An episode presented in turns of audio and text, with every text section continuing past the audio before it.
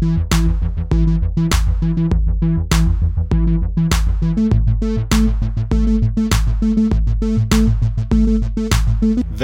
till Pappa Chef-podden, podden om föräldraskap och ledarskap. Jag heter som vanligt Johan Palmberg och det är jag som är själva pappachefen. Fem ungar, jag har varit chef och ledare i olika roller i hela mitt yrkesliv och gillar musik, poddning och fotboll. Det har jag faktiskt inte nämnt, men jag är ett stort Manchester United-fan.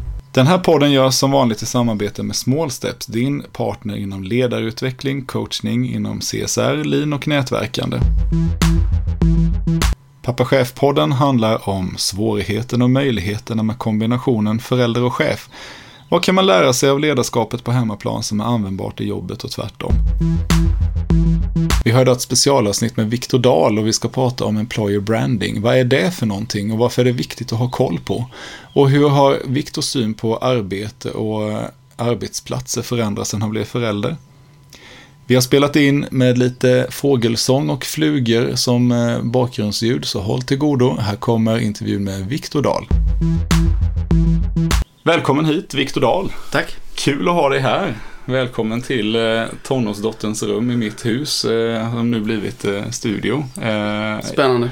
Jättekul och eh, det är ju inte bara så att eh, du är här i egenskap av liksom employer branding-expert, utan du är faktiskt granne här också. Just det. Ja, vi har ju inte så många grannar här i Bringetofta. Nästgårds. Exakt, och man måste ju säga att det är lite fascinerande av att de kanske 20 vuxna som bor i den här byn så är det två stycken som, eh, alltså 10% som jobbar med eh, liksom ledarskap Mm. och eh, vi har dessutom kommit fram till att vi båda är rocksångare. Ja, precis. Eh, Så det är ganska fascinerande. Det trodde jag inte när vi flyttade ut här. Precis, det är inte det man förväntar sig. Nej, precis. Ja, men jättekul att du är här. Eh, och vi ska göra ett eh, lite specialavsnitt. Vi brukar ju ha med egentligen bara ett samtal med mig och min co-host Johan Formell. Men idag ska vi prata med dig om det som ligger dig närmst om hjärtat egentligen. Och det är ju employer branding. Exakt. Och det ska bli jättespännande att höra lite mer om. Eh, när vi skrev eh, lite fram och tillbaka om den här intervjun så sa du att eh, jag har aldrig varit chef men jag har åsikter om vissa frågor och hur de ska bedrivas. Ja, jo. Vad tänker du där? Nej, men att eh, om vi nu ska prata employer branding då, vilket vi ska säkert komma in på lite Mm. mer här eh, framöver, så som chef så är man ju någonstans ändå ansvarig för att, eh, att medarbetare och hela organisationen ska fungera och vara välmående, vilket ju då blir lönsamt liksom. Mm. Och det är ju det som är en konkurrensfaktor och då Mm. har man som chef ett, ett ganska stort ansvar i den här frågan. Så när jag, alltså jag då som jobbar med employer branding, eh, både ut, utifrån ett föreläsningsperspektiv men även genom att hjälpa företag rent operativt med det, då är det ju inte sällan chefer som är själva målgruppen liksom. Just det, och det är de du jobbar med kanske i första hand då Ja. för att få ett välmående företag. Ja. Jag fattar.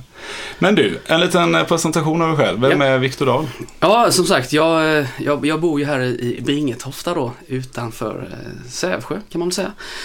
Vi, vi ligger i Nässjö kommun, men Ja. du, du bor i Sävsjö kommun, så gränsen går... jag bor faktiskt i Nässjö Du bor i kommun Nässjö också. Ja, gränsen går 300 meter åt, Okej. åt det hållet. Ja, nej men som sagt, jag, jag är 33 år, jag är pappa till tre barn och två stora bonusbarn. Eh, jag har eh, jobbat i, i eh, ett antal år inom industrin, från att jag var 20 till jag var 25, s- eh, inom en produktionsindustri. Och därefter så valde jag att plugga. Mm. Då pluggade jag ja, Human Resources då, läste psykologi. Hur kom det sig att det blev så? Nej men efter att ha gjort de här fyra, fem åren inom industrin så, vilket var, det var väldigt kul. Jag lärde mig skitmycket liksom. Och när man var 20, 22 liksom hade man ju alltså, noll koll på, på hur saker funkar. Men man lärde sig ganska mycket, växte som, som människa och som, eh, som medarbetare. Men där någonstans fick jag upp ögonen för det här med, med liksom, sånt som rör HR. Och för de som inte vet, HR betyder Human Resources, vilket handlar om mänskliga resurser i ett företag. Liksom, hur man jobbar med medarbetarskap Mm. och ledarskap. Eh, Då fick jag upp ögonen för det som, som handlar om arbetsmiljö och ledarskap och Mm. organ- organisering av en verksamhet och tyckte det verkade spännande. Och då var ju HR-programmet något som kändes lockande. Mm.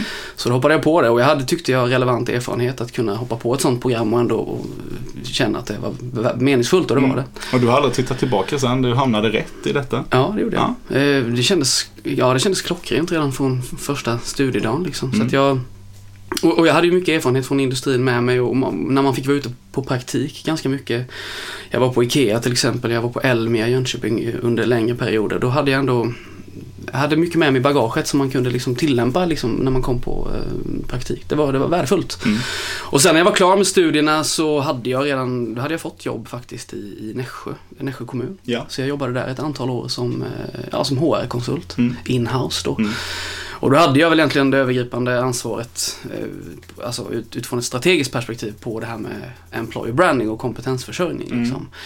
Och sen efter några år där så startade jag eget. Mm. Eh, för jag tyckte att det här med att föreläsa och stå på scenen och liksom ty- hoppas att folk tycker det jag säger är viktigt. Eh, det kändes kul. Jag, liksom, som vi sa innan, vi, vi är rocksångare båda två. Eh, förr tog man ut det genom att stå och sjunga på en scen. Idag så Exakt. står jag och, och snackar istället. Det Liksom. där är fascinerande för jag möter många människor i, i, eh, i mitt arbete som tycker det är otroligt obekvämt att stå på scen och prata. Bland det värsta man vet. Mm. Jag har chefer under mig som jag har liksom verkligen fått coacha i detta och, och eh, samtidigt så det är det jag lever för. Liksom. Mm. Det är mitt, eh, det är mitt eh, liksom, där, där är jag som bäst. Mm. Eh, Jag tror att det ligger någonting i det här att man kanske har en scenvana och man kanske har en liksom bakgrund som gör att man är lite trygg i det. Ja, förmodligen. Samtidigt så ska ju sägas, jag har ju tränat, alltså man, har ju, man tränar ju på det, utsätter sig för det gör ju att man växer varje Mm. gång man gör det. När jag var liten minns jag så var jag livrädd att, att prata inför klassen till Mm, exempel. mm, mm. Jag vet inte vad som hände sen men jag, jag började tycka det var kul i Det alla blev fall. bättre. Ja, det blev bättre. Ja. Det finns ju någon klyscha där man säger att, jag vet inte hur sant det är men i USA så är det det, värsta, det som värsta folk vet så är det liksom döden ligger på andra plats men prata inför folk ligger på första plats. Ja, ja, det, det, det- ja men det kan vara så. Det kan vara så. Ja. Okej, Nässjö kommun. Ja, så då var jag där några år, men sen startade jag eget för jag tyckte att det här med föreläsande och employer branding, vilket jag hade jobbat med då som, som konsult i Nässjö, var väldigt kul. Så då tänkte jag att det här kan man ju eh, starta egen verksamhet av Mm. och eh, hjälpa, alltså vidga sina vyer liksom, hjälpa företag med det också, Mm. an, andra kommuner och sådär. Så det har jag gjort i några år egentligen, eh, fram till nu. Mm. Och sen, eh, ja, förra året ungefär så valde jag att hoppa på ett nytt projekt där, vi, där jag tillsammans med en, eh, en, ja, en kollega driver ett företag som heter Unicolor. Mm. Vi jobbar med ja, kompetensförsörjning helt enkelt. Mm. Vad, vad, vad är det som, alltså som, eh, som arbetsgivare då Mm. och som i en industri, tillverkningsindustri så har ju blivit uppvaktad av otroligt många rekryteringsfirmor och bemanningsföretag. Varför ska man använda sig av Unicolor? Ja, men Unicolor är ju egentligen, eh, vi står på tre ben. Mm. Unicolor är vårt varumärke utåt sett så att säga. Men vi jobbar med tre ben, vi jobbar med kompetensförsörjning. Vi Mm. är alltså en, en partner inom kompetensförsörjning kan man säga. Där det ena benet är bemanning, Mm. personaluthyrning. Eh, och där ska man ju anlita oss för att vi, alltså, vi är skickliga på att hitta folk liksom. Men det är det säkert fler som är också, det har jag respekt för. Eh, men eh, sen jobbar vi även med rekrytering, alltså renodlad rekrytering. Eh, därav namnet Unicolor. Man pratar både blue collar och white collar, alltså både medarbetare och tjänstemän. Liksom. Ah, det där. Ja, ja, jag fattar. Jag såg att loggan var ju en, eh, Ja, en en, skjortkrage. krage där. Ja, men precis. Ja. Så att, eh, och sen våra tredje ben då är ju det som är min bakgrund framförallt då, employer branding, där vi ja, egentligen hjälper företag Mm. med deras arbetsgivarattraktivitet. För jag menar, att vi, att vi är duktiga på att hitta folk och hjälpa företag att, att liksom få in bra kompetens, det är en sak. Men samtidigt så vill vi hjälpa företag att själva kunna vara attraktiva. För det är någonting vi måste lära oss att leva med. Mm. Arbetsmarknaden ser inte ut som den gjorde för 20 år sedan. Nej, det, det gör det ju verkligen inte. Och därför kanske det är relevant att man ändå kommer med lite nya, ny vinkel på det man erbjuder. Ja. Mm. Men sen också varför, varför man ska anlita oss. Jag menar, vi är fortfarande ganska små. Mm. Eh, vi är snabba på att ställa om. Vi är kreativa och hittar nya vägar. Jag menar, coronakrisen har ju inte direkt varit enkel för, för bemanningsvärlden. Nej. Men vi har ändå vi har ändå överlevt den ganska bra genom att hitta då nya, nya projekt i nya branscher som vi egentligen inte haft så, så mycket insyn i tidigare men som vi har liksom lärt oss och, och ehm, ja. De senaste två eh, poddarna vi har spelat in har Mm. ju faktiskt handlat dels om att leda med mod istället för rädsla i, eh, i en pressad situation. Och det är ju lite grann det vi pratar om, att hitta nya vägar. Mm. Eh, Det kunde ju vara, vara lätt att lägga sig ner och, och bara ge upp som du säger i en sån här situation. Nystartat företag, ganska så små, en Ja. marknad som bara rycks helt bort. ja. Men ni har valt att försöka vara kreativa och hitta nya vägar. Och det är, ju, det är ju sättet att överleva på. Liksom. För jag menar, det, det slog ju hårdast mot industri, eh, ja, industrin egentligen. Mm. Och många bemanningsföretag har ju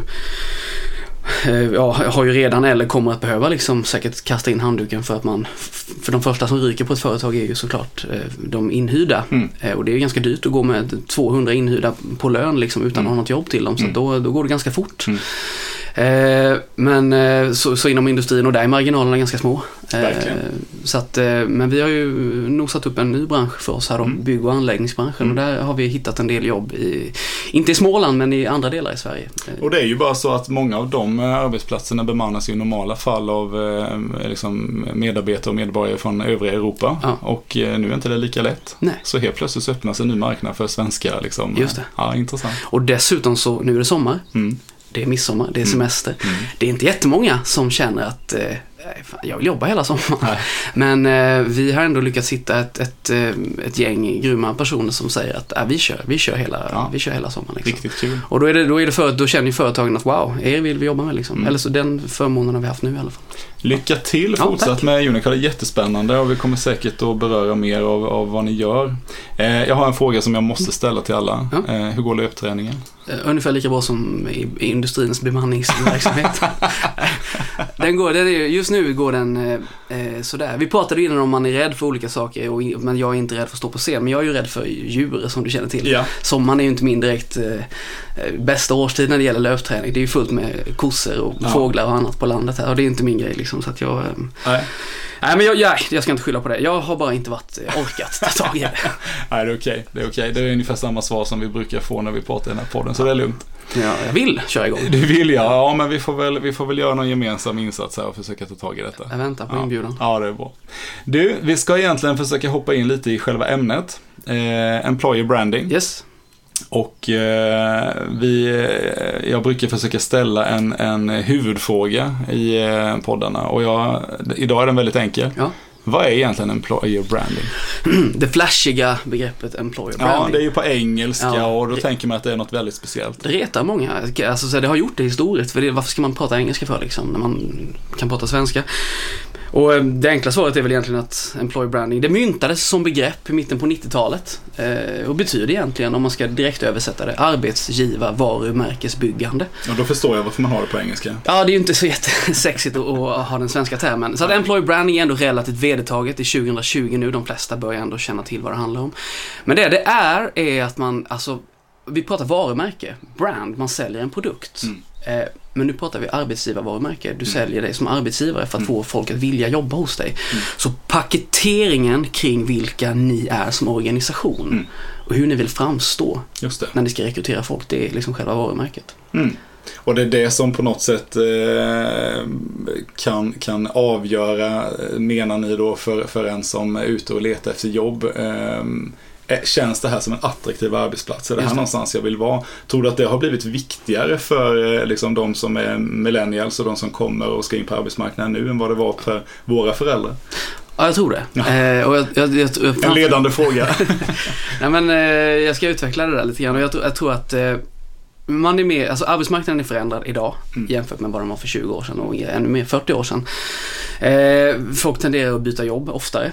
Förr så sågs man som en eh, hoppjerka liksom om man bytte jobb var femte år. Idag är det ju snarare tvärtom. Har du, inte, oj, har du varit där i, i sju år? Oj då. Får du inget jobb eller? Alltså, eh, det är inte konstigt om man byter jobb varannat år idag. Mm. Det innebär med andra ord att vi måste som företag och för den delen kommun, vi måste lära oss att hantera det faktum att folk byter jobb oftare idag. Mm. För att man är mer urban, man flyttar till, till städer och man, liksom, ja, man är mer benägen att liksom resa. Eh, det innebär att, vi, att employer brandingen och liksom arbetet med det måste vara som en standardiserad del av vardagen. Mm. Vi måste ständigt vara beredda att attrahera rätt typ av medarbetare. Mm. Men det är egentligen bara det ena. Att attrahera rätt medarbetare, det är viktigt. Mm. Men employer branding, så som jag pratar om det, Mm. är ju att skapa en, en organisation som är vinstdrivande och välmående, produktiv. Det är inte bara att man ska hitta rätt personer Nej. som vill komma till en utan när de väl är där så ska de må bra där och de ska vara produktiva och Exakt. de ska se till att vi tjänar mycket pengar. Exakt. Man kan tala om två saker, intern och extern employer branding. Där den externa brandingen handlar just om själva paketeringen. Ja. Många skulle kunna lite raljerande kalla det för att sminka en gris. Mm. Du skulle kunna skriva bra saker om dig själv. Går du in på Tripadvisor, om du ska åka till Göteborg eller Stockholm helg så ska du bo på hotell. Går du då in på ett hotells hemsida och ser vilket som är bäst på att skriva om sig själva, eller går man in på Tripadvisor där riktiga människor som har bott där och det. upplevt det eh, berättar om det. Och vad är mest trovärdigt liksom? Så alltså är den externa paketeringen av företaget väldigt viktig och i synnerhet då när man kan använda sig av riktiga medarbetare som berättar om hur det är att jobba där. Det är trovärdigt. Just Vad du som chef säger om ett företag eller som ägare av ett företag, det är liksom mindre intressant. Mm. Så det är den externa paketeringen, det kan, vi, det kan vi återkomma till och utveckla. Men sen har du hela den här kanske ännu viktigare biten, eller det är den viktigaste biten, den interna brandingen Mm. som handlar om hur medarbetare internt uppfattar er som arbetsgivare. För Just det är det som kommer avgöra om de stannar kvar eller inte. Mm. Det är det som kommer avgöra vad de kommer sitta och säga hemma vid köksbordet på kvällen när de käkar middag med sin familj. Mm. Om de säger att min chef är ju totalt slut, förstår mig inte överhuvudtaget, då kan man tänka sig att, att det påverkar varumärket. Mm. Men om man istället säger att jag, jag älskar mitt jobb, jag är en fantastisk chef och, och kollegorna är underbara. Då känner ju man eventuellt att wow, det där låter ju, Mm. där skulle jag kunna tänka mig att jobba till exempel. Så den interna paketeringen är mycket viktigare. Och det, på tal om det då, engagemang och allt sånt.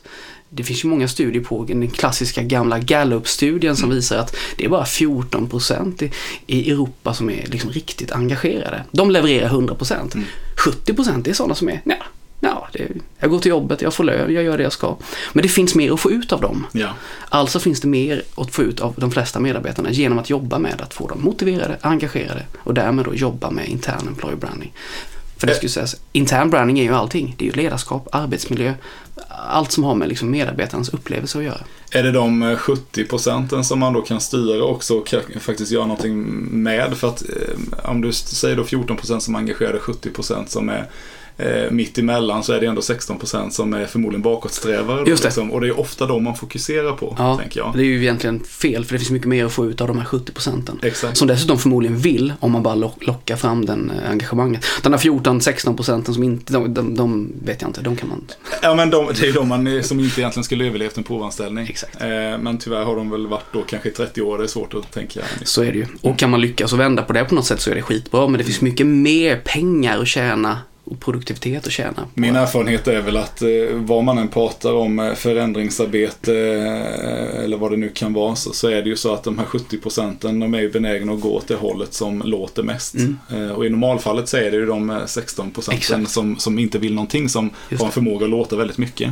Men kan man vända på den kuttingen och visa på att de som verkligen vill framåt, Mm. de, de har mycket roligare på jobbet Ja. och de får mycket mer gjort och de kanske blir belönade med, med nya roliga uppdrag och vad det nu kan vara. Ja. Då kan det nog skapa ett sug liksom för att vända organisationen åt det hållet. Det tror jag med. Och att Mm. visa exempel. Här har vi ett gäng duktiga. De här personerna, vi, alltså, man behöver inte tala om vi och dem. Man ska Mm. inte prata om nyckelpersoner. För det säger man ju indirekt att då finns det de som inte är nyckelpersoner. Men man kan ändå statuera exempel. Här är ett antal personer som har rätt attityd. Om vi ska Mm. prata om att bygga en kultur. Mm. Attityder är ju väldigt viktigt för att skapa en kultur. En vinnande, livskraftig kultur. Men mycket av de här sakerna som du pratar om, kultur, attityder och så vidare, det är ju sånt där som man, eh, jag som arbetsgivare då skulle kunna känna är Ja men det här är sådana här luddiga saker. Mm. Ge mig något konkret att ta på. Mm. Men, men finns det liksom konkreta delar i det här man faktiskt kan jobba med som arbetsgivare Mm. för att bygga den här kulturen? Eller hur ser du på det? Ja, det, det gör det ju. Sen är ju, jag menar, jag, jag tror så här att bygga en kultur, det, jag menar, kultur är ju skitsvårt. Mm. Eh, Det är som du säger, det är luddigt och flummigt och det, det, det handlar inte bara om det. Det finns säkert lika många sätt att bygga en kultur på som det finns, sätt, som det finns organisationer. Liksom. Eh, Men det finns ju bevisligen exempel på företag som har en stark kultur. Mm. Som du och jag skulle kunna sitta och prata om utan egentligen ha en aning om hur det är där. Ett sånt exempel är ju IKEA. Liksom. Mm. Folk pratar om deras kultur fast man kanske egentligen inte vet. Men de har ändå lyckats bygga den på ett, Mm. på ett stort globalt koncernnivå. Liksom. Mm. Men jag menar, det finns ju ett antal sätt att, att göra för, att skapa en, en, en, vad ska vi kalla det, en, en positiv, glad, rolig kultur. Och det är ju att, att ett, en sak är ju att hitta på saker Mm. på jobbet. Att, alltså, att ha roligt på jobbet är ju, läser man undersökningar om vilka företag som är mest attraktiva och vad liksom unga talanger frågar efter, vad de söker efter när de söker jobb, så kommer på första plats i den senaste mätningen som Universum har gjort, vilket är världens största employer branding-företag. Då kommer trevlig arbetsmiljö på plats nummer ett. Mm. Och det säger ju någonting. Mm. Man, vill, man vill ha det trevligt på jobbet. Man ser inte jobbet bara som en, en, eh, en inkomst utan man, eh, Nej. medan jag är där liksom den större delen av min vakna tid på dygnet så, så vill jag att det ska vara trevligt, det ska vara bra, jag Ja. ska trivas, jag ska känna mig motiverad Exakt. och utvecklad och så vidare. Det är i varje fall i sig inte sämre Nej. eh, att det är så. Mm. För det finns mycket mer att få ut om folk känner att "Ah, men här är det roligt, här trivs jag, här Mm. är det bra. Och, och för några år sedan var inte trevlig arbetsmiljö högst upp på, på listan, men det har blivit det nu. Jag läste en, jag läste en intervju, eller en intervju, en undersökning, en liknande som du pratar om här då. Eh, och det finns ju lika många svar på dem som det finns undersökningar Ja, det det. Men en av dem som jag tycker är lite rolig, det var en, eh, man hade undersökt i svenska, i svenska eh, företag då. Eh, vad man eh, liksom rangordnade som viktigast i, Mm. eh, när man tittade på ett jobb. Och eh, man föreställer sig att lönen kommer högt upp. Mm. I, I den undersökningen kom lönen på tionde plats. Ja. På första plats kom att det skulle vara gott kaffe. Och det säger ju någonting också om att, precis som du är inne på, trivseln. Mm. Känslan av att här vill jag vara. Mm. Eh, Den som gillar kaffe fattar ju varför man vill ha gott kaffe. Liksom. Mm. Så, så det är ju någonting i det här att, att det är inte alltid som man förväntar sig eh, att en arbetstagare resonerar heller. Utan det är som du säger, Okej, arbetsmiljö, Mm. sunda värderingar. Det här är ett företag som rimmar med mina värderingar. Jag tror att det blir mer och mer viktigt med de som växer upp nu. Mm. Eh, att, att jobba på en plats där man känner att man eh, kan göra nytta och Mm. att det finns ett socialt ansvarstagande. Liksom. Så eh, Ja, och du, du är inne på ett, på, en, eh, på ett spår där som jag, som jag tycker är otroligt viktigt. För när vi pratar employer branding så har man ju, jag nämnde att det var ett begrepp som myntades i mitten på 90-talet. Ska vi kalla det employer branding 1.0 där det då handlade kanske om att paketera förmåner. Ja. Hos oss får du friskvårdstimme eller, eller gott kaffe eller vad det nu kan vara. Ja. Till att det idag, det är supertydligt att idag handlar det om paketering av syfte. Alltså varför finns ni som företag till? Kan ni visa vad ni gör för mänskligheten? Vad är, va, alltså, vad är ert syfte? Då är det liksom så att många känner att wow, det där vill jag vara en del av. Eh, Inte vad ni gör, men att ni tror på det ni gör, det vill jag vara en del av. de två viktigaste sakerna vi lyfter upp egentligen, eller viktigaste sakerna som man märker att eh, folk reagerar på när vi, när vi har anställningsintervjuer Mm. på Obos där jag jobbar till vardags. Då. Det är ju när vi berättar om att eh, vi har eh, dels att vi inte är börsnoterade, vi är inget aktiebolag utan vi är ett, eh, ett eh, kooperativ. Ja. Och det undrar för, ja, vad är det där? Ja men det innebär att vi har inga aktieägare som står och väntar på pengar utan här använder vi pengarna till vad vi vill. Mm. Okej, men vad använder ni till det? Ja, men till exempel så har vi något som heter Obos ger tillbaka. Vi, Mm. vi ger liksom vissa procent av vinsten varje år till samhällsbyggande insatser och det kan vara allt från sponsring av idrottslag Ja. till ren välgörenhet. Och sånt fångar ju uppmärksamheten hos en Verkligen. 25-åring snarare än, än vad det gör hos en eh, 50-åring då, om Ja. jag ska raljera lite. Ja. Men det är för att jag tror att man har liksom vuxit upp i olika världar, olika Mm. generationer och nu är det otroligt viktigt för de som ska in på arbetsmarknaden att man kommer till ett företag som är värderingsstyrt. Precis, och om, om jag tillåts raljera lite igen då. Det, det är ju faktiskt så här, man skulle kunna vara, jag har ändå jobbat nu i, i, i drygt år här med, med alltså, industribenet så att säga.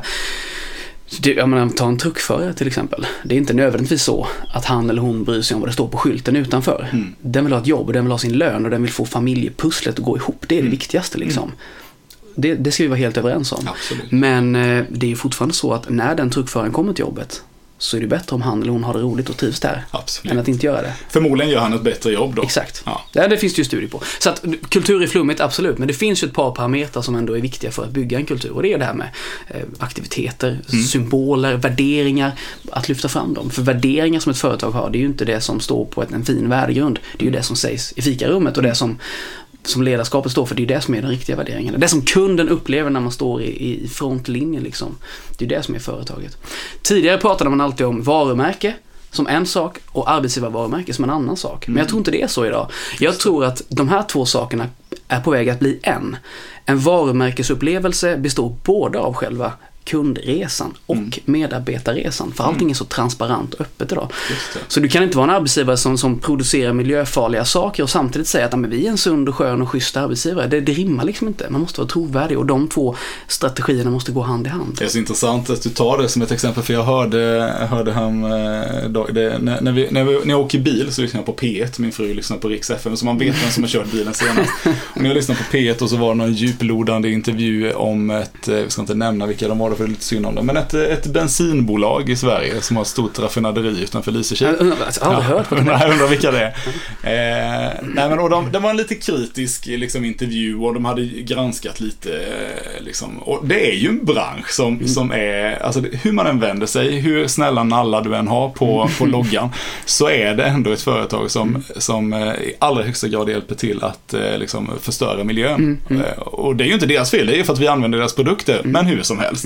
Och man märker liksom hur den här stackars, eh, om det var en marknadschef eller vad det nu var som skulle, skulle svara på frågorna. Alltså de kämpar ju så för att på något sätt ändå navigera i det här, precis som du säger, det här landskapet. Vi vet att vi gör en skitdålig produkt, men vi är ju väldigt mycket bättre än alla andra. Fast vi är fortfarande skitdåliga, men ja, du fattar. Ja, ja. Så den är grymt svår alltså. Ja, och de är ute på minerad mark. Det är nästan så jag skulle vilja säga att, ja men var ärliga då. Ja. Säg det istället då.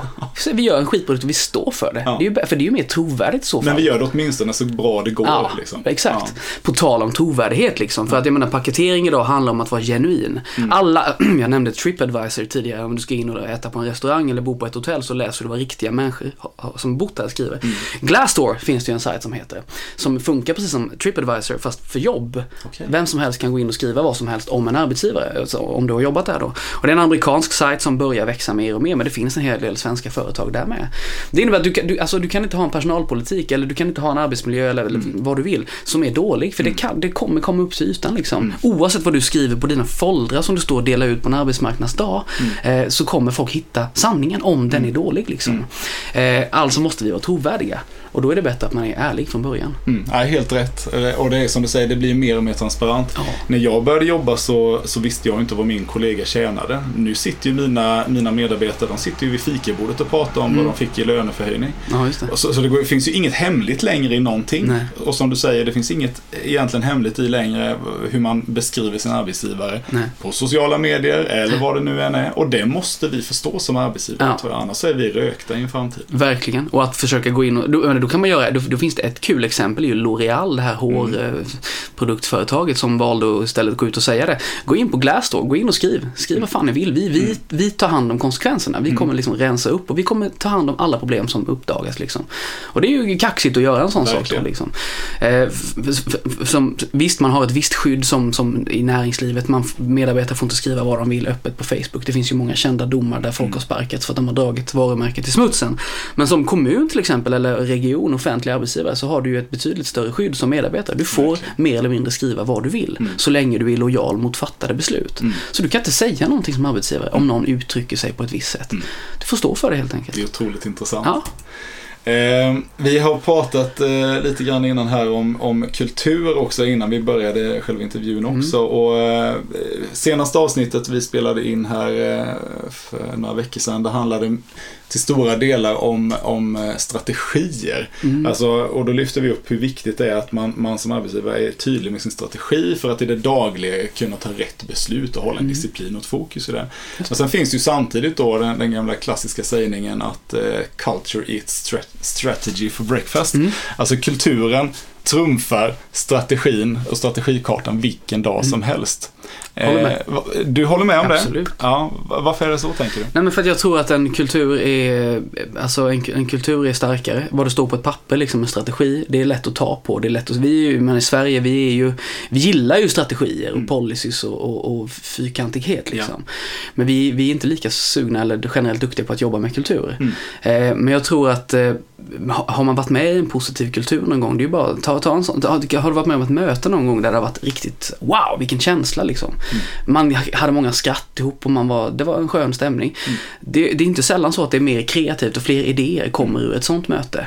Än vad det gör när du sitter och folk är lite sura och trötta och någon har ont i huvudet och någon egentligen vill hämta sina barn. Ja, du vet, det, det blir ju, det hämmar en liksom. Ja, jag skulle kunna dra det, jag, jag håller helt med dig och så skulle jag kunna vända åt andra hållet med. Att jag tänker att i en del möten där det har riktigt smält och varit konflikt och där man har Ja. Mm. en kultur som tillåter att det kan smälla runt det bordet och sen så går vi och käkar lunch ihop.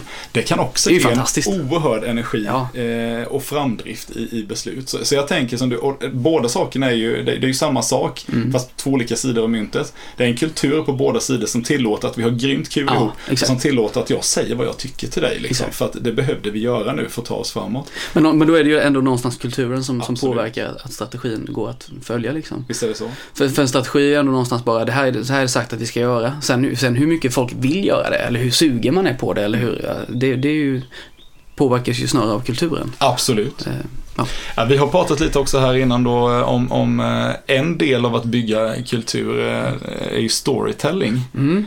Och jag skrev till dig häromkvällen, jag fick ju förmånen för ett par år sedan att sitta, jag fick göra en, en studieresa till San Francisco, till, till Silicon Valley Oh, wow. och fick besöka både Berkeley och Stanford. Mm. Alltså två riktigt välrenommerade universitet i USA. Då, Mm. Och fick lyssna på en, eh, en föreläsning av en eh, professor på Stanford som heter Jennifer Aker. Mm. Som har eh, liksom ägnat egentligen hela sin forskning och sitt eh, läraryrke åt eh, eh, storytelling och branding. Hennes Mm. pappa David Aker är ju en mogul inom branding i, Mm. i USA. Liksom.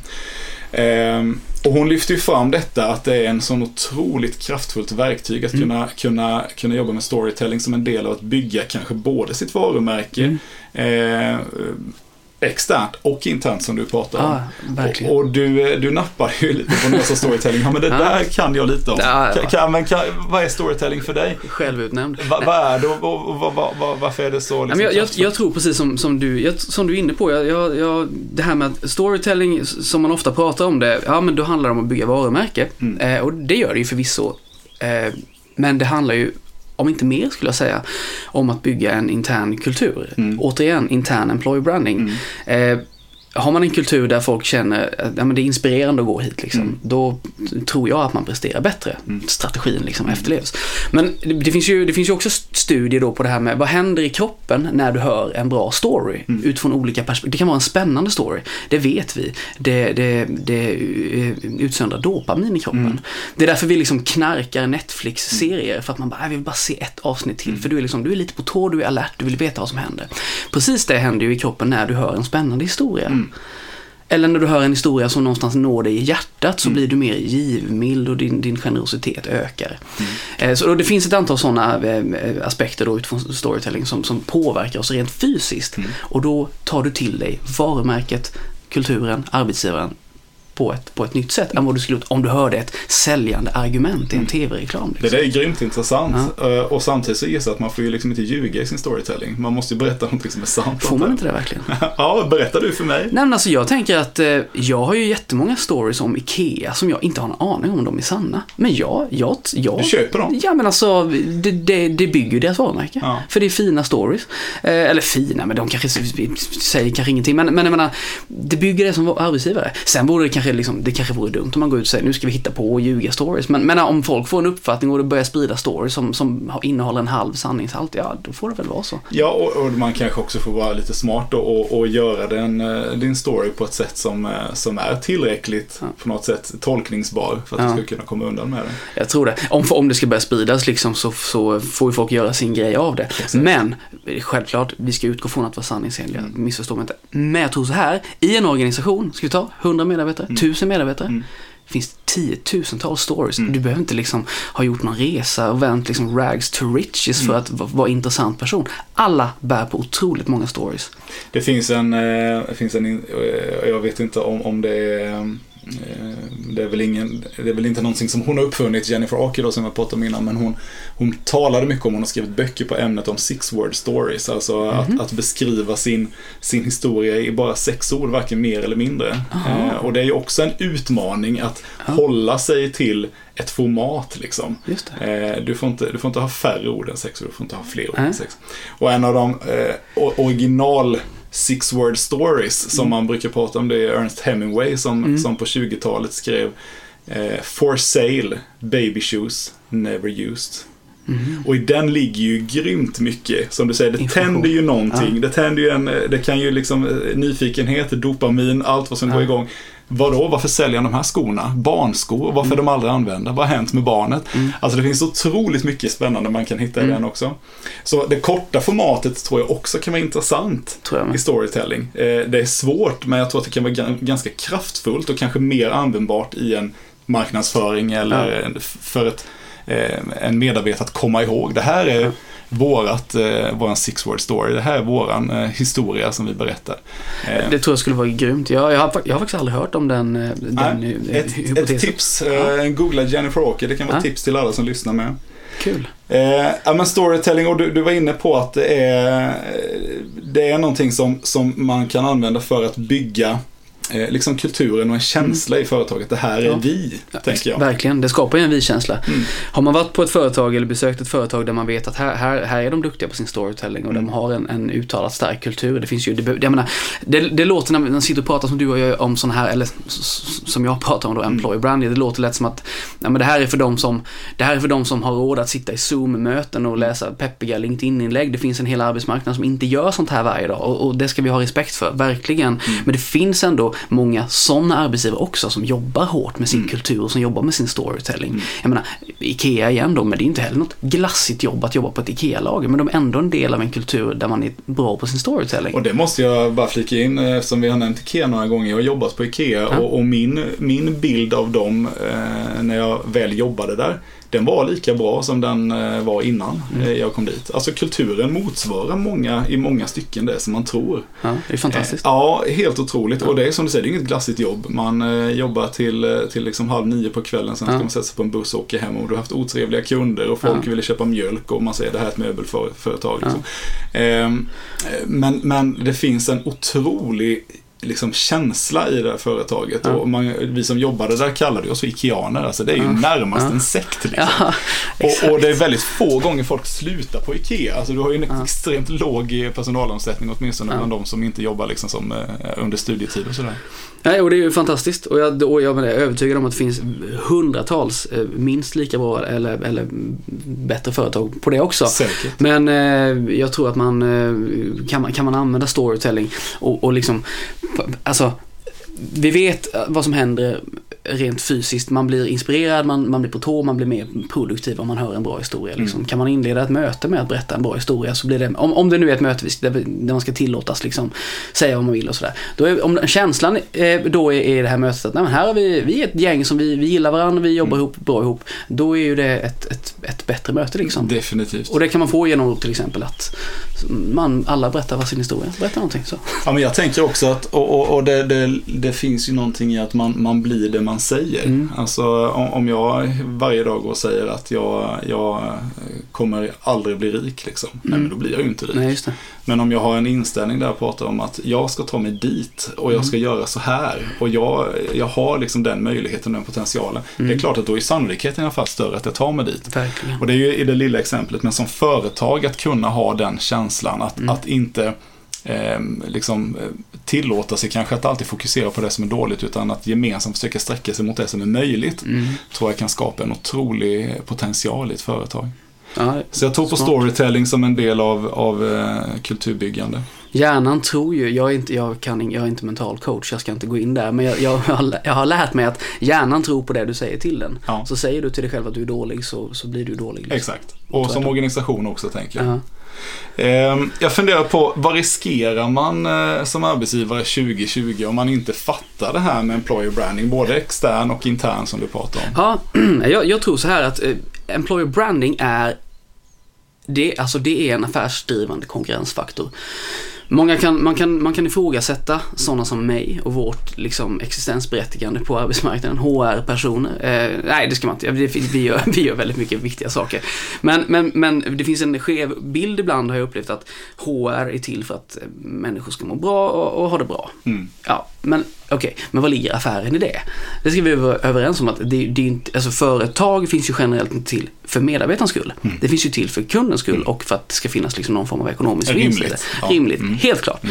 Men employer branding utifrån det perspektiv som jag pratar om det är ju till för att skapa en, eh, en effektiv, produktiv, vinstdrivande organisation. Eller om du är en, en skattefinansierad organisation, att kunna leverera det resultat som medborgaren eller kunden förväntar sig. Så du menar att, att de här gamla sanningarna om att en ekonomiavdelning och en HR-avdelning, det är ju sånt som bara kostar pengar i ett företag. Det skulle kunna finnas en sanning med modifikation i det. Man skulle kunna se även en HR-funktion och en HR-avdelning som en möjlighet till att öka sin vinst. Definitivt. Vi kan ju börja prata kostnader i form av vad en felrekrytering kostar. Exakt. Och är du attraktiv som arbetsgivare så kan vi ju gissa vilt att det är lättare att ta in, alltså det, rekrytera fel, det kommer man göra, det kommer man aldrig ifrån. Men om du får in väldigt många bra, superduktiga kandidater så är det ju sannolikheten att du, att du tar rätt större. Absolut. En felrekrytering, nu, nu ska vi verkligen ta det här med en nypa salt, men jag menar PVC tog fram någon sån här schablon för några år sedan. Och man talar alltså om, om du tar in en, en akademiker av något slag i en organisation så talar vi om ja, men 750 000 Mm. i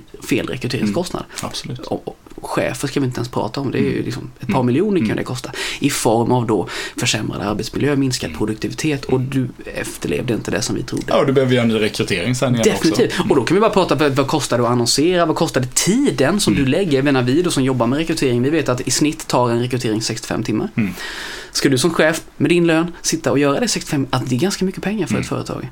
Men är vi attraktiva och kan snabba på den här processen, slippa stå med ett produktionsbortfall. Det finns ju företag, alltså mek- mekanikerföretag, verkstadsföretag som har räknat ut att om vi har en vakant tjänst i en månad så tappar vi 128 000 Mm. i intäkter. Mm.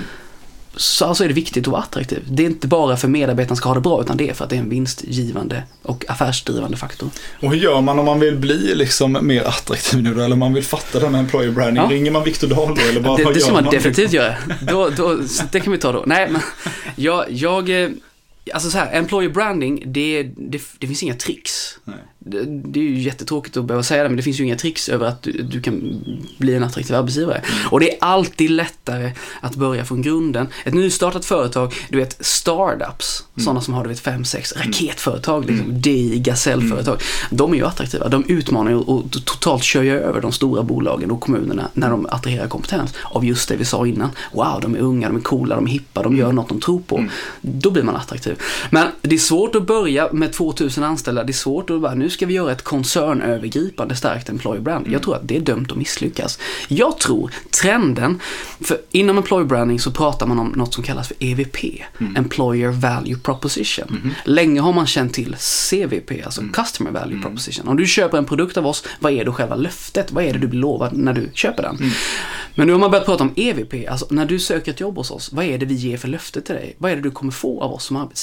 Och här är det då jäkligt viktigt att, att man har varit trovärdig och sanningsenlig när man har suttit där i intervjun. För kommer man som medarbetare och så tänker man, det här stämmer ju inte alls överens med vad de sa till mig på intervjun. Just det. Då blir man ju lite missnöjd. Just det. Och, och kanske tvärtom, ännu mer missnöjd för att man känner sig lurad. Och då byter man jobb, om man har den möjligheten att göra det. Den är ju intressant. Och EVP, det finns ett par parametrar som ska uppfyllas för att det ska vara effektivt. Det ska vara sant. Mm. Det är det viktigaste av allt. Det ska vara framförallt attraktivt externt. Att du säljer in någonting som ingen vill ha, det är ju skitsamma. Det ska ju vara någonting som ändå folk vill ha. Till exempel trevlig arbetsmiljö, hög lön, trygg anställning, i i synnerhet nu under corona, då är det en viktig parameter. Mm. Så det finns några sådana saker. Och om du då har ett, ett EVP som du försöker sätta och jag har själv varit en sån som har stått och sagt så här för några år sedan att ah, vi ska göra ett EVP som gäller för hela organisationen. Men jag, det, det, jag tror inte det går. Trenden är nu att du måste kunna göra olika EVP för din verksamhet beroende på målgrupp eller beroende på vilket affärsområde det handlar om eller vilken enhet det handlar om. En, en, en, en filial i ett företag eller liksom en, en verksamhet, en industri kan ha ett eget EVP medan liksom huvudkontoret kan ha ett annat för vi riktar oss till helt olika målgrupper. Och då blir själva paketeringen mer trovärdig till den kunden så att säga, eller medarbetaren. Ja, det kanske är den enda vägen till att du överhuvudtaget lyckas med det det. också. För det, det kanske är ett för stort arbete som du säger, Ja. att, att tro att hela organisationen ska klämmas ihop i samma. Jag, jag talar lite av egen erfarenhet där. Jag, jag satt med jag jobbar på ett fantastiskt företag som verkligen vill hitta vägar framåt i detta. Och samtidigt är vi en koloss och har funnits sedan Mm. 1927 liksom, och moderbolaget sedan 1929. Ehm, och jag var med i ett, i ett projekt där vi jobbade verkligen brett över hela organisationen. Vi plockade folk från alla olika delar och försökte jobba vad är kulturen hos oss? Liksom? Kan vi hitta en gemensam koncernkultur? Och eh, jag ska inte säga att det inte går, men man kan ju bara konstatera efter ett par års arbete med de här frågorna. Svårt. Det är grymt svårt alltså. Och av de, eh, de fem konkreta förslagen vi tog fram så har det ändå jobbats vidare med några, bland annat ledarprinciper. Alltså hur, hur är du som ledare i det här företaget? Vad, vilka principer har du för att hålla till? Det tror jag man skulle kunna göra ganska generellt i en organisation. Men däremot hur, hur det ska implementeras i verkligheten sen, det skiljer så mycket Ja. mellan de olika delarna. Jag tycker det är ett jättebra exempel att ta det, för precis som jag säger att man måste kunna ha olika EVP eller paketeringar beroende på var i verksamheten, var i, i världen man befinner sig, så är det exakt samma sak med kultur. För jag menar, många försöker ju också, nu ska vi göra en kultur på hela organisationen, men det, men det går ju inte. Det går ju inte. Alla, all, alla enheter har en egen kultur, alla verksamheter, det blir så. Eh, och då får man ju jobba med det utifrån den lilla verksamheten där man är liksom. Ja, jätteintressant. Eh, vi ska börja eh, runda av den här delen. Eh, Ja. Är det någonting vi har missat som, eh, som du kände att det här måste jag få sagt också? Alltså jag, jag kan ju prata om det här hela Ja, så dagen. kan du. Så att jag, jag känner att det, det är säkert jättemycket vi skulle, skulle säga. Men jag, jag menar konkret, du frågar mig vad gör man om man vill börja jobba med employer branding? Ja. Ringer man mig? Ja, det kan man göra, men, för då kan vi prata mer om detta. Men kort och koncist så handlar det om att men jag har en process eh, som jag har tagit fram som jag tycker man som företag, om man är helt grön eller om man har jobbat med det ett tag så kan man ändå behöva liksom skruva lite på vissa saker. Det, det första steget man gör det är att man gör en intern kartläggning. Mm. Bara titta, vad är vi nu? Hur uppfattar folk vårt varumärke? Mm. Hur uppfattar medarbetarna vårt varumärke? Titta på medarbetarundersökningar, titta på sånt som är relevant för den, för den typen av mätning. Mm. Eller den informationen. Eh, steg två är att du gör en omvärldsanalys. Mm. Vilka är det ni vill attrahera? För här, min känsla är att när du skriver en jobbannons eller går ut och gör liksom en, en, en, en storytelling av något slag, då gör du det för en grupp som du inte riktigt känner. Mm. Men känner du medarbetaren och den potentiella medarbetaren och vet vad den letar efter, då kan du göra en extremt mycket bättre och formad annons som riktar sig in i hjärtat till den personen. Mm. Men om du försöker ge information som passar allt och alla, då blir det skit av det. Liksom. Ja.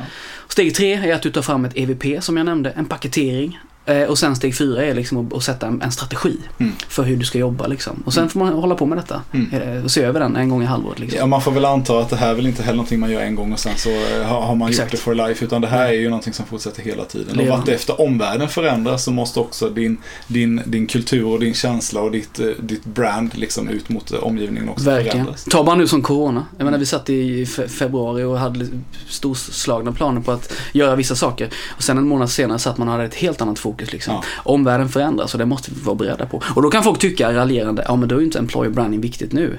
Antalet jobb på Arbetsförmedlingen har gått från 140 000 till 56 000 Mm. på en månad. Mm. Men det är väl just idag det är viktigt. Mm.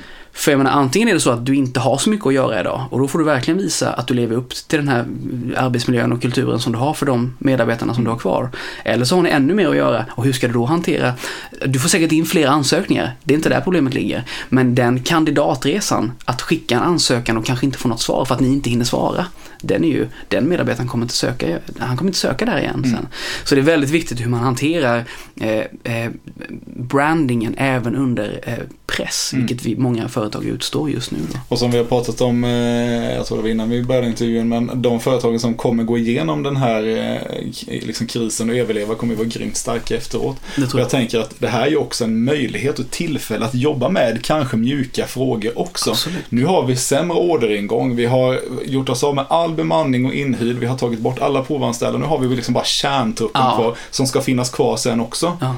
Är det någon gång man ska implementera liksom en, en ny tanke Ja. hos någon, en kultur hos någon, Ja. då är det ju när man är kärnan kvar liksom. Exakt. Och du inte har så mycket annat som stör runt omkring. För överlever ni, vilket ju de många kommer göra, Ja. då kommer man gå starkare ur det, precis som Exakt. du säger. Det tror jag kommer bli en klockren start. Liksom. Bra. Spännande. Härligt.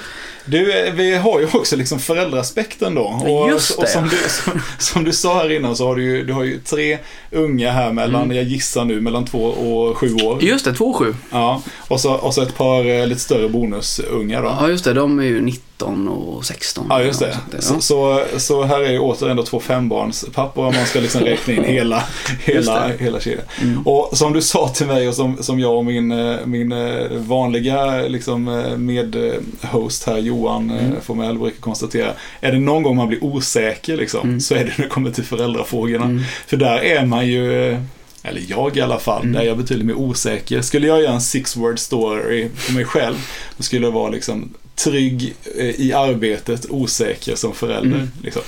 Eh, Jag tror jag sa det till dig när du frågade om jag ville komma hit så sa jag employer branding, det kan jag sitta och prata hur länge som helst. Föräldraskap, det, det är livrädd liksom. Det har jag ingen aning. Ja. Nej, Men eh, någonting man ändå kan fundera på, eh, sen du blev förälder, Mm. har, det, har någonting i ditt sätt eh, liksom att, att uppfatta arbetsplatser eller kulturer eller någonting av det du har pratat om, har någonting av det förändrats? Mm. Ja, det, ja, det är en bra fråga. Jag, jag, jag, jag funderade på det innan lite. Eh, alltså jag har jobbat med HR lika länge som jag har varit förälder, om man ska säga. Ja. Alltså med mina egna barn då. Mm. Jag fick, jag fick barn den första januari 2013 Mm. och jag gick ut skolan den 18 januari. Så att Leon har funnits med under hela min HR. Det har liksom varit parallella spår. Ja, precis. Eh, 2013 ska sägas. Eh, så att jag, jag har väl haft, eh, det, föräldraskapet har inte påverkat min syn på HR direkt så, utan det är väl snarare min, egen utveckling och erfarenhet som har påverkat synen på HR. Men synen på jobb har eh, förändrats Mm. och synen på mig själv har Mm. förändrats. För jag vet, jag vet när jag var ung, alltså när man satt och var 23-24 liksom och hade noll koll, eh, då, då eh, man, alltså jag var, jag var cynisk, tyckte att eh, att ett, ett jobb, det, fan, det gör man väl det man behöver. Liksom. Behöver jag sticka iväg? Behöver jag jobba utomlands? Ja, men då gör jag det. Familj och barn, de, de klarar sig. Mm. Det, det får de lösa liksom, Mm. tänkte jag. Mm. Men det, jag skulle aldrig utsätta mig för det Mm. idag. Det var, alltså det var, nu är jag i och för sig, jag är jag är ute en del liksom. Mm. På- Men jag är- borta liksom, ja, inte jättemycket, men 20-30 nätter per år där man Mm. är borta och föreläser eller så. Det värsta jag vet är att vara borta. Mm. För att jag saknar mina barn framför allt. Mm. Eh, så ska jag göra någonting idag så ska det verkligen vara ett syfte med det. Mm. Ska jag sticka iväg någonstans så ska det vara för att ah, men det, här är, ett- det här är ett bra jobb eller det är liksom en nödvändighet för något större. Liksom. Mm. Då gör jag det. Mm. Men jag skulle aldrig sticka iväg på något som jag kände att nej, det här vill jag inte eller det här Mm. tycker jag inte verkar spännande. För då vill jag hellre vara hemma med barnen. Mm. Sen tror jag att det, går, det, det måste gå att kombinera en bra karriär med ett bra föräldraskap. Klyschigt sagt, när man är hemma så är man hemma liksom. Egentligen hela den här podden handlar om att det ska gå att kombinera. Det måste gå. Ja, jag tror på det. Men jag har verkligen blivit mer eh, jag har verkligen blivit mer restriktiv med vad jag ger mig in på liksom. Mm. För att jag tycker att föräldraskapet är viktigare. Jag upplever att jag har ju precis som du, jag har ju, jag har ju också haft eh, historiskt eh, väldigt många nätter borta per Mm. år. Nu betydligt, betydligt mindre. Och egentligen så kom jag till en gräns för min egen del när vi fick barn nummer fyra. Mm. Eh, och, eh, för då, hade jag, då var jag fabrikschef både här i Småland och på en fabrik uppe i Sundsvall. Så jag var borta en vecka per månad liksom, Mm. i bara det, plus allt annat jag reste Mm. då. Och någonstans där så kände jag liksom att det, det går inte längre nu. Jag kan inte begära det här av min fru och Mm. vara hemma liksom själv. Och jag vet om någon gång när jag satt uppe i Sundsvall och det snöade liksom 80 centimeter här nere och frun ringde liksom och sa bara, Ja. jag kommer inte ut med bilen. Nej, vad gör man? Då sitter man där uppe. Och det som du säger, det tar ju bort liksom glädjen i att jobba också. Man känner att man är på fel plats. Så det ligger nog någonting i detta och, och samtidigt så tror jag definitivt som du säger att det går att ha en, en karriär, en, en, en mycket givande karriär och Mm. en utvecklande karriär och att kunna se till att man utvecklar Mm. eh, sin familj också samtidigt. Mm. Men det är intressant att du, att du nämner det som, som någonting som har förändrats för jag tror att det är så. Det, det är svårt att föreställa sig kombinationen innan man själv har barn. Liksom. Mm. Ja, det, Det, det att man har en bild och en, en viss cynicism runt Ja. detta. Då. Och det, och, det, och det är lika, och jag menar för att ytterligare då eh, svara på frågan. Synen på arbetslivet har ju förändrats så tillvida. Jag menar, när jag var yngre så var jag mer cynisk och tyckte att nej men fan trivs du inte, byt jobb då. Mm. Gör något annat, så stick, Mm. plugga, gör vad fan du vill, flytta. Mm. Men jag menar, det är otroligt komplext att, Mm. rulla ett familjeliv liksom. Så jag har all respekt till de som gör det. Och sitter man på ett, ett, ett relativt tryggt jobb, en fast anställning och, och har allt det där. Det, det, det ska mycket till att man, att man verkligen ska bara ska hitta på något annat liksom. Ja. Och ändå är ju Viktor Dahl ändå som, eh, som hoppar av Ja, liksom en jo. trygg anställning och går in i någonting helt Ja. osäkert. Ja, jag, ja, det är sant. Jag respekterar de som inte gör det. Det var väl bara det jag menade. Jag fattar. Alla Eh, måste inte vara sådana. Nej, precis. Men det ska sägas, det har väl varit ångestfyllt också, ska ju sägas. Det, det, det har inte varit det enklaste. Men jag, jag, jag, det jag gör nu, det är ju skitkul och jag ångrar inte en dag att jag gjorde det. Liksom. Är det här det roligaste du har gjort hittills i din Ja, karriär? verkligen. Ja. Men jag ska säga att alla saker jag har gjort, eh, jag menar de har ju varit i sin tid och alla har varit skitroliga. Jag menar industrijobbet när jag var 20, det var svinkul. Även om det var liksom på många sätt ett ganska ganska dåligt jobb Mm. så hade jag superkul för den kulturen var rolig. Mm. Vi hade många unga som jobbade och man festade och man du vet så Mm. levde som man gjorde när man var 20. och sen när jag hade mitt jobb i Nässjö och sådär, det var ju skitkul på sitt sätt att få Mm. vara ny på det här och liksom börja prata om employer branding i en kommun. Det var, liksom, det var inte många kommuner som hade gjort det tidigare och det var det skitkul. Mm. Men sen, jag menar, jag var mogen och redo för något annat och nu, nu, vill, jag verkligen, nu vill jag verkligen skapa förändring med att, att liksom etablera ett nytt företag liksom på, Mm. på marknaden. Och det, ja, än så länge så är det det roligaste jag har gjort. Ja, men kul. Ja. Jag, jag säger som eh, en av mina favoritföreläsare inom ledarskap som eh, amerikan som heter Patrick Lencioni. Han sa det att Mhm. ska, ska du jobba på eh, McDonalds Mm. så har du åtminstone rätt att ha kul. Mm, Liksom. mm. Det, är inte, det är inget välbetalt jobb. Det kanske inte är superroliga Nej. arbetstider. Eh, men du förtjänar åtminstone att ha kul. Ja. Liksom. Så det ligger Jag tycker det är kul McDonalds för det, det, finns, det finns ju många exempel och det här finns säkert många som har åsikter också som har jobbat på McDonalds som, som säkert Men det är ett klassiskt sätt ett jobb som kanske inte är jättehyllat. Nej. Och- Men McDonalds är ju väldigt skickliga på det här med EVP och paketering och sånt. Mm. För de är, ju, de är ju jävligt medvetna om att det, det finns inget högre syfte med att fritera pommes. Nej. Det ska inte vi lura dig att tro. Nej. Men de säger inte det heller. Nej. Utan de säger att kommer du hit får du vara en del av en familjär miljö där vi låter dig, oftast ungdomar, ta ansvar för ekonomi och liksom Det här är skolan. Det här är livets hårda skola på riktigt. Du behöver inte ha gått i skolan, utan du får lära dig här. Och när du slutar sen, då kommer du vara redo att göra något annat. Och så har det säkert varit på IKEA internt, men de senaste åren de har, har de ju använt det också i den externa marknadsföringen. De har haft liksom på sina tv-skärmar att eh, här blir 20-åringarna chefer Ja. och så vidare. Det är skitcoolt. Eh, ett exempel, jag firade min 14-åriga bröllopsdag igår själv eh, utan fru med fem unga på Biltema och, och McDonalds. Käka korv. typ. Och när vi satt på Donken och käkade så alltså det var lite kaosigt där, det var stökigt och liksom eh, pommesen blev kalla och det var liksom, ja men du vet, de var underbemannade, det var mycket att göra. Men så hör man liksom efter en stund när vi har suttit och käkat och kön börjar tunna ut så hör man någon arbetsledare ropa på kassan, bra jobbat köket! Jaså? Ja. Och, det där hör jag, ja, det är inte första gången jag hör Nej. det på, på, på McDonalds liksom. Eh, Så det är ju någonting i den där Ja. kulturen. De, de, de vet att de satt i, i hålet tillsammans, Ja. men så gjorde de en insats och så fick man en klapp på axeln. Det. Jag gillar det Ja, alltså. Och det lyfter ju, för mig så lyfter det kanske den då kanske något magra kvaliteten på mat till att upplevelsen ändå är helt okej. Så det är ganska Mm. Det, är, men det, är som, det, är, ju- det, det, blir så, det blir så nära. Jag älskar, det har, vi, inte- det har vi inte gjort det och jag vet att vi ska runda av här nu, men jag älskar att dra paralleller till sporten när vi pratar liksom, att bygga arbetslag. För det är samma sak inom idrott egentligen på många sätt, psykologin liksom. Fast i idrotten ser man det mycket tydligare. Du börjar förlora matcher och man märker att shit, här har vi en kultur som inte funkar liksom. Eh, och på samma, men det här, här McDonalds-laget då är ju uppenbarligen så nära ett sånt lag det kan komma. Nu ska vi ut, nu ger vi, nu har vi en timme, vi ska, vi ska liksom ihop, ska vi lösa den här stormen av kunder som kommer och sen efteråt skriker någon bra jobbat. Jag tycker det är ett lysande exempel. Det är som en match liksom. Ja men det är det och sport, eh, sportparallellen är ju inte fel. Jag var och lyssnade på eh, Lars Lagerbäck för några år sedan, Ja. gamle svenske förbundskapten i fotboll. Och eh, jag menar, han hade inte världens bästa lag att jobba med. Han har haft Sverige, han har haft Island, han har haft Nigeria. Alltså det är ju inte de som vinner VM i fotboll. Nej. Men han har ändå varit relativt framgångsrik, inte minst med Island liksom, Mm, med verkligen. 300 000 invånare Ja. som verkligen lyckas. Och då, då sa han det liksom att Hans nyckel det är ju att hitta, vad är det som är unikt med oss då? Vi är inte bäst tekniskt, vi har inte störst utbud Mm. Nej. på spelare, vi har inte vädret med oss på. Island liksom. Men vad har vi? Jo, vi kan vara mycket mer disciplinerade och organiserade än Mm. alla andra lag. Det är någonting vi själva kan påverka. Mm. Så det jobbade han ju stenhårt med och det ser man ju i de här lagen han har jobbat med. Det är disciplin, det är ordning och reda. Mm. När Zlatan går ut och, festar i Göteborg, då åker han ur landslaget Ja. liksom. Oavsett om han är Zlatan eller inte. Exakt. Jag tycker det är skitbra. Ja, det finns mycket. Vi kan prata vidare om detta, Ja, men vi kan ta en sportspecial en gång. Det kan vi göra, Ja. för det finns mycket att säga. Verkligen. ska vi göra. Du, vi avrundar alltid med att eh, jag vill ha ett tips om någonting. Vad som helst. Vad skulle Viktor Dahl tipsa lyssnarna om?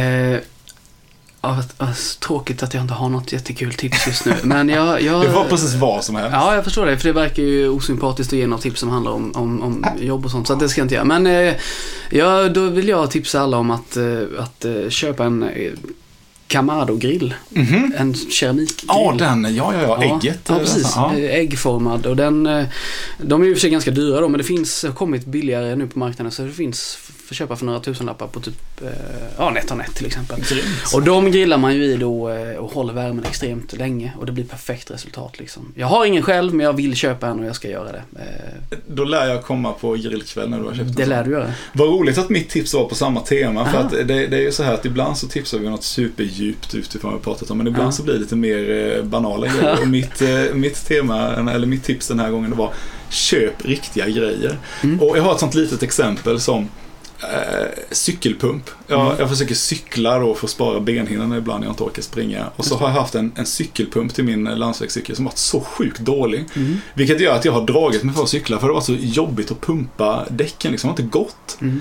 Så nu eh, köpte jag en riktig så här, liksom, cykelpump som passar till min cykel. Ja, kul. Och vad mycket lättare det blev. Ja. Så det är väl också ett tips. Då. Köp riktiga grejer. Lägg tre kronor mer på Ja. en sån cykelpump. Lägg tre kronor mer på en riktig grill så kommer det mycket roligare. Ja, det kanske 3000 mer då på en Ja, riktig ja, grej. Men ändå. men ändå. Det, det kan det vara värt om du vill ha bra resultat. Absolut. Och, Ja men, och sen så vill jag tipsa alla om att ha en trevlig midsommar. ja, men det är väl en jättebra idé också. Eh, när ni än lyssnar på det här. Eh, ni som lyssnar nu när det kommer ut så är det faktiskt dagen innan midsommar. Så jag passar också på att önska en, en riktigt trevlig midsommar. Lyssnar ni på det här framåt jul så ha en trevlig julafton. ja, men du Viktor, vad roligt att du kom hit idag. Eh, jätteglad för det. Eh, jag känner på mig att vi kommer pratas vid igen eh, framöver i, i någon eh, ytterligare podd. Det vore kul. ja, och lycka till med företag och Tack. allt annat du håller på med, med ungar och allt vad som finns i livet. Tusen tack. Ja. Detsamma. Ha det gott! Tack. Hej!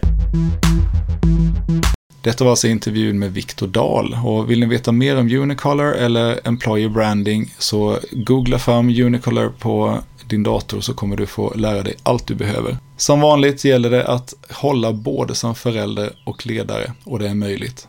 Ha en fin dag!